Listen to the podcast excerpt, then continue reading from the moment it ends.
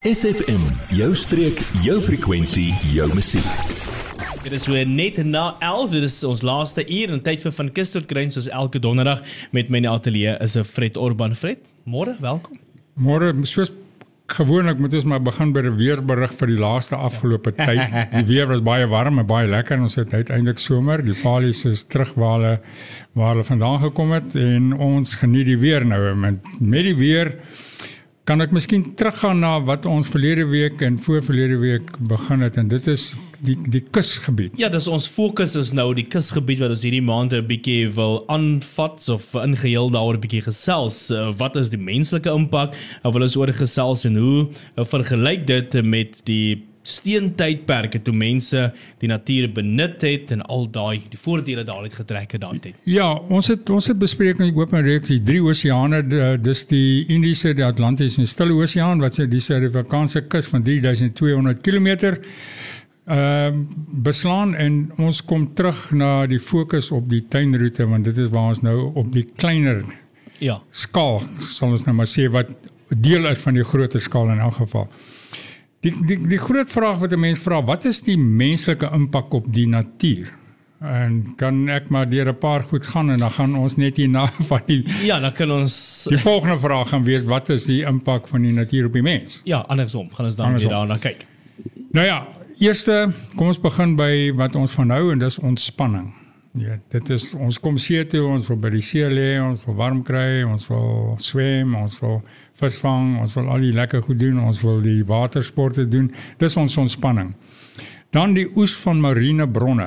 Dis nou die impak wat ons het. Hierdie verhaaltjie gaan oor die impak wat die mense het op die ja. op die natuur. Die oes van die marine bronne, dit is uh hengel van die kus af wat 'n klein impak het as 'n mens vat wat is die oes van die massa bronne soos die groot visserskepe en so aan. Transport skepe wat op die oseaan ry het 'n impak daarop. Hulle mors olie, die olie word uh, besoedel die pikkewyne en die dolfyne ja. en die spoel uit by ons. Dan natuurlik blyplek. As ons so hier by die venster uit kyk, ons kyk dan na Kleinbrak, Grootbrak, Midbrak, Glentana, daai wêreld, dan sien ons uh, dis waar mense bly, reg tot op die see. Dis 'n plek van werk restaurante ons sit hier ons werk eintlik ons is op die see ons werk ons kyk vir die see toerisme die aantrekking vir toerisme duisende miljoene reg oor die wêreld om reg oor die wêreld en hulle kom baie van hulle kom na die Suid-Afrikaanse kus toe Ja. Uh, hulle gaan nie na sokkerwedstryde toe wat nou ek sien in die nuus is die laaste tyd soveel as wat hier na ons kus toe kom nie. So miskien moet ons 'n bietjie fokus daar wat toerisme betref. Dan vier stede op ons op die Suid-Afrikaanse kus huisves omtrent 6 tot 8 miljoen mense net vier stede. Ja. En dit is natuurlik Durban, Port Elizabeth, Oos-London en Kaapstad. Nou ja, dit het 'n groot impak en daai getalle groei by die dag.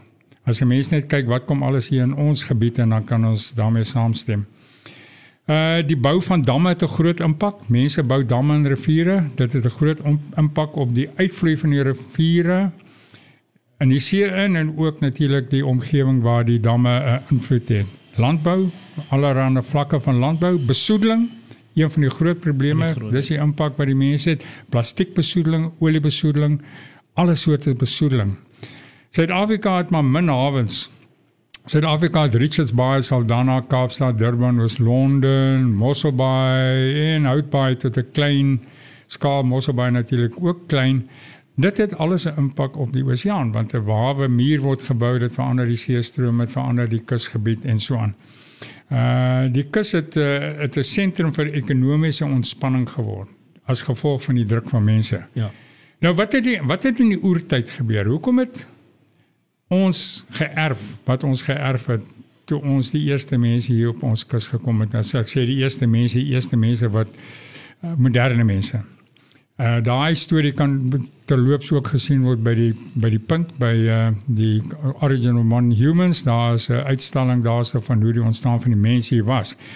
In die oertyd het die mens die see en die omgewing benut. Ja. Nie vernietig nie, maar benut. Dit was sy produsent. Die see was het geproduseer. Die see produseer vandag nog. Hy produseer uh mossels, hy produseer uh oesters, hy produseer vis, hy produseer al hierdie goed. In die oertyd het mense van die see af gelewe, hulle het dit nooit verwoes nie, want hulle het geweet as hulle dit verwoes is dan nie meer kos nie. Ja. So hulle het nie goed geplant nie, die see het dit vir hulle gedoen.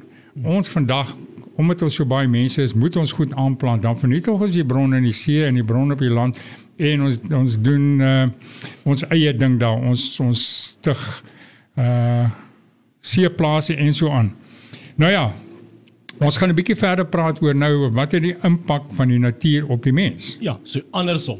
Andersom. Word deel van ons Facebookblad vandag nog facebook.com vorentoe skuinstreepie SFM streek. Gesels met Fred Orban dis van Kus tot Grens soos elke donderdag net na 11. Uh, nou Fred, ons gaan nou so 'n bietjie anders omgaan as om nou vat, maar ek wil graag weet wat is die natuur se impak op die kusgebied en op die mens? Maak dit is baie groter of kan baie groter wees as die natuur nie saamspeel wat die mens wil hê hy moet doen nie. Die natuur is baie magtiger as die mens, alhoewel die mens dink hy's magtiger as die natuur. Jy kan maar net kyk wat nou in Turkye gebeur het. Wat het daar gebeur? Net ewe skielik is daar 'n aardbewing en dan honderde en duisende mense sterf daar. Ja, ek dink gister of eergister was al by 5 6000 toe waar die telie in geloop het al. Korrek. En hoekom is dit? Omdat so baie mense op een plek bly. Ja. Jy verstaan, want dan val die geboue mekaar as mense in die geboue en so aan. As dit in 'n natuurlike omgewing was en daar het 100 mense daar gebly, dan waarskynlik van daai 100 miskien 4 of 5 in die slag gebly. Ja. Maar maar dit is net maar een van die goed. Okay. Die natuur se effek op die mens word veroorsaak deur die rotasie van die aarde om sy eie as. Jy weet, hy kantel 'n bietjie hier en dan, dis hoekom ons winters en somers kry. Dis ook hoe hoekom ons winde kry wat geskep word deur hierdie rotasie en die die oostewinde, suidoostewinde, die westewinde. Ek vind byvoorbeeld hierso, ek het baie vriende wat nog in die Transvaal of uh, Gauteng bly. Ek, Ja. ek hou nog steeds aan om Transvaal te sê. En hulle ek sê vir hulle as die suidoos hierso 2 dae hard waai by ons, dan gaan hulle reën kry die volgende dag. En dit is so. Sommige 50, 60 mm per slag. Dan natuurlik die uh, hoe die mense natuur die mense kan skep is in die jare van seilbote en vandag natuurlik skiebote, gewone bote wat op die see is wat uh, onbenutbaar of baie gevaarlik is vir die mens as die wind uh, nie reg is nie. Die, on, die onbenutbaarheid uh, van die see as gevolg van temperatuur. Jy weet as jy wil gaan swem, as jy in Kaapstad wil gaan swem op Campus Bay, is die water bietjie kouer vir die diere, so jy Ja. ja. swem nie maklik daar nie. Ja. Jy lê op die strand, maar jy swem maklik daar nie. Dan golwe wat veroorsaak word deur die winde. Jy weet, eh, dis hoekom ons nou brande plankryers kry en en dat golwe ook kan baie vernietigend wees. Uh kyk daai tsunami wat plaasgevind het daar so 'n paar jaar terug in die uh, in die ooste. Uh die energie wat vrygestel word op die kus deur golfbeweging en deur windebeweging is enorm. Mense kry golwe tot 12 meter hoog. Jy weet, en 12 meter is omtrent 4, 5 verdiepings van 'n gebou hoog. Hierdie hierdie gebou waar ons in sit is ongeveer 4 verdiepings hoog. Mm. En uh en dis baie hoog as jy sulke golwe kry. Dan natuurlik riviere.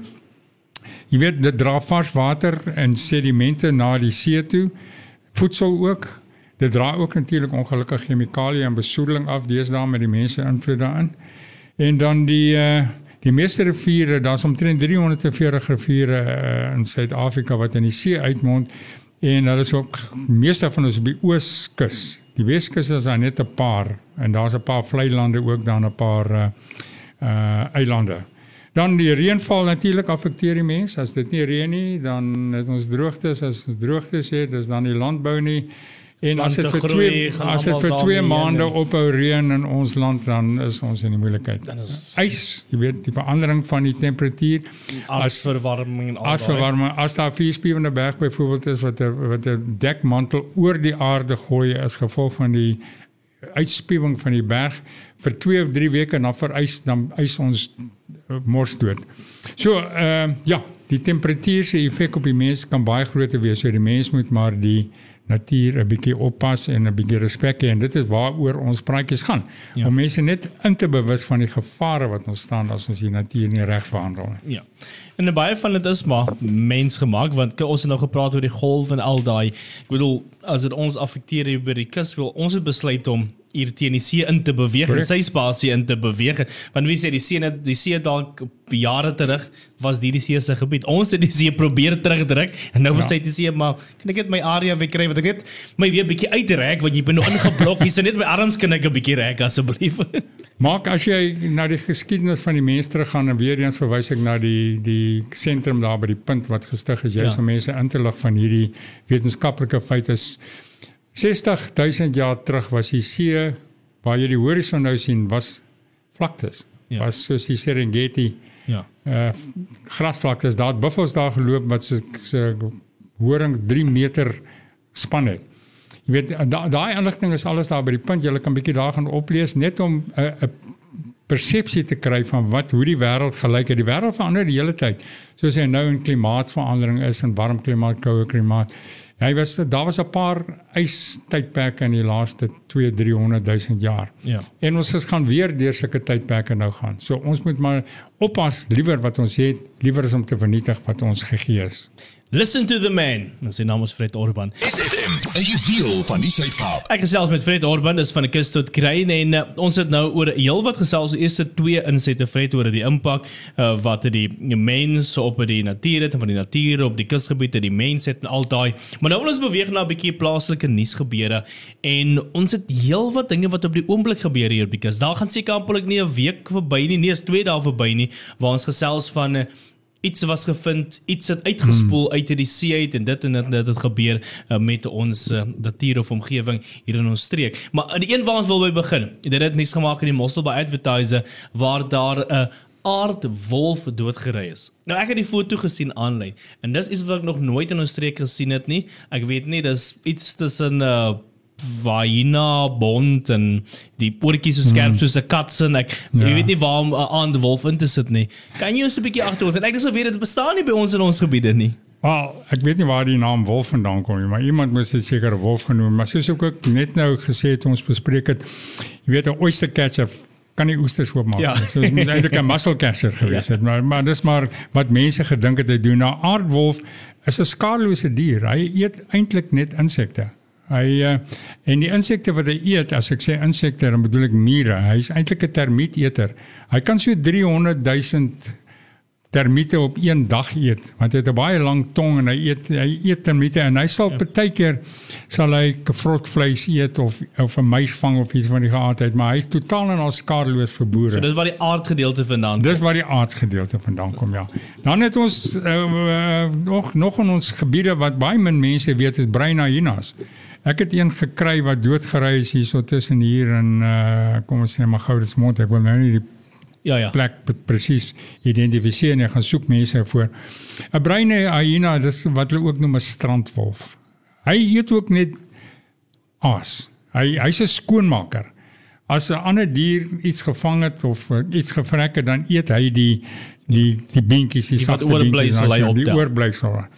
Hy kan miskien hy kan miskien 'n haas vang of hy kan 'n voël vang, maar dit is baie min wat dit gebeur. Hy kan definitief nie 'n skaap vang nie.